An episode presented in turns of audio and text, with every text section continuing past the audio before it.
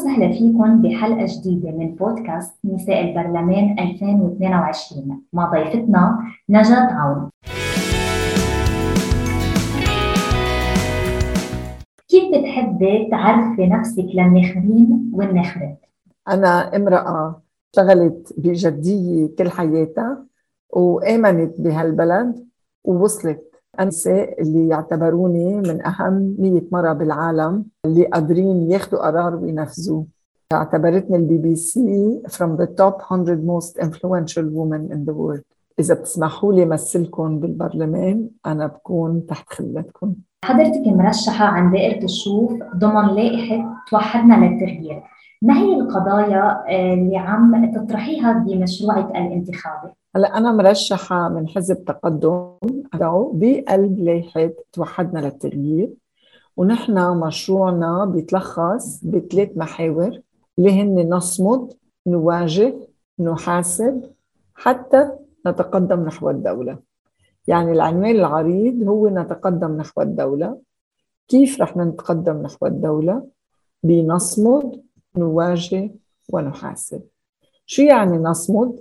يعني أمن كل معطيات العيش الكريم يعني من اقتصاد لتربية لصحة لبيئة لكل هول المعطيات اللي الإنسان عايزها ليقدر يعيش. نحن بنعتبر الصمود هو تأمين العيش الكريم لكل إنسان على أرض الوطن. نواجه بتطبيق القرارات الدولية. بتدعيم الجيش اللبناني. بتركيز المرافق الدولة. يعني نطلع وين الدولة قد على إجريها ونساعدها توقف على إجريها وندعمها. بعدين لما يصير عندنا نواة دولة بدنا نشتغل على استقلالية القضاء بدنا نشتغل على محاسبة جريمة المرفأ وهولي بهمونا كتير ومحاسبة كل من وصلنا للاقتصاد المنهار اللي نحن وصلنا له مش نحن بنحاسب بنخلي القضاء يحاسب نحن بدنا كل المرافق تبع الدولة تشتغل مزبوط حتى نقدر يصير عنا كيان نحتمي له ويصير عنا قضاء يحاسب هيدا الشيء بنعتبره إذا الإنسان قادر يعيش وإذا عنا جيش يحمينا ومنقدر نطبق القرارات الدولية وإذا عنا استقلالية قضاء نقدر من خلالها نحن نحس إنه في عدالة لكل الناس اللي عايشة على أرض الوطن هيك طريقة بتخلينا نحن نبني دولة وهيك بنتقدم نحو الدولة. اليوم في تحديات كبيرة بتواجهكم ما هي أبرز التحديات اللي عم بتواجهك؟ لكن نحن عم نواجه منظومة صار لها 100 سنة بالحكم. في عدد من الأحزاب صار له أكثر من 100 سنة موجود. وهول الناس خلونا نصدق يوما ما إنه هن ما عندهم مصاري أو البنوك أو الانهيار الاقتصادي وصل لهم أو مسهم. اللي عم نشوفه على الأرض اليوم عم نشوف الرشوة الانتخابية وعم نشوف المال الانتخابي عم ينكب شمال ويمين بشراء أصوات كثيره هيدا الشيء بخلينا أول شيء نشك إنه هن الانهيار الاقتصادي وصل لهم وثاني شيء بخلينا نواجه منظومة محصنة من الدولة ومحصنة بأقوى عدد كافي من المال بينما نحن عم نواجه لحالنا وعم نواجه باللحم الحي. الشغلة منا هينة الشغلة كتير صعبة بس نحن سلاحنا هو إيماننا بهالبلد. الكبير إنه واجباتنا إنه نترشح وواجب المواطن إنه يساعدنا ينتخب لأنه إذا المواطن ما انتخب معناتها قبلهم معناتها مبسوط بالموجود. هيدا الشيء ما فينا ما فينا. نحن لحالنا نحارب لحالنا والناس تقعد وتقول ما رح شيء رح يتغير. بدنا دعمكم بدنا الناس توقف معنا بدنا تساعدنا وبدنا تقول لهم لا مش هالمرة. ما فيكم تدلكم أنتم ساعة اللي بدكم تشترونا بأصواتكم نحن نقلكم.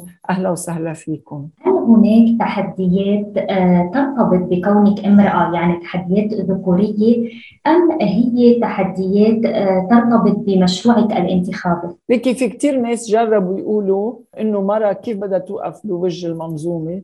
هيدا الشيء بحترم رأيهم بس بحسه إنه ما له عازة. أنا وقفت قدام تحديات كبيرة بشغلي وبعلمي وبرهنت قد إيه فيني أوصل.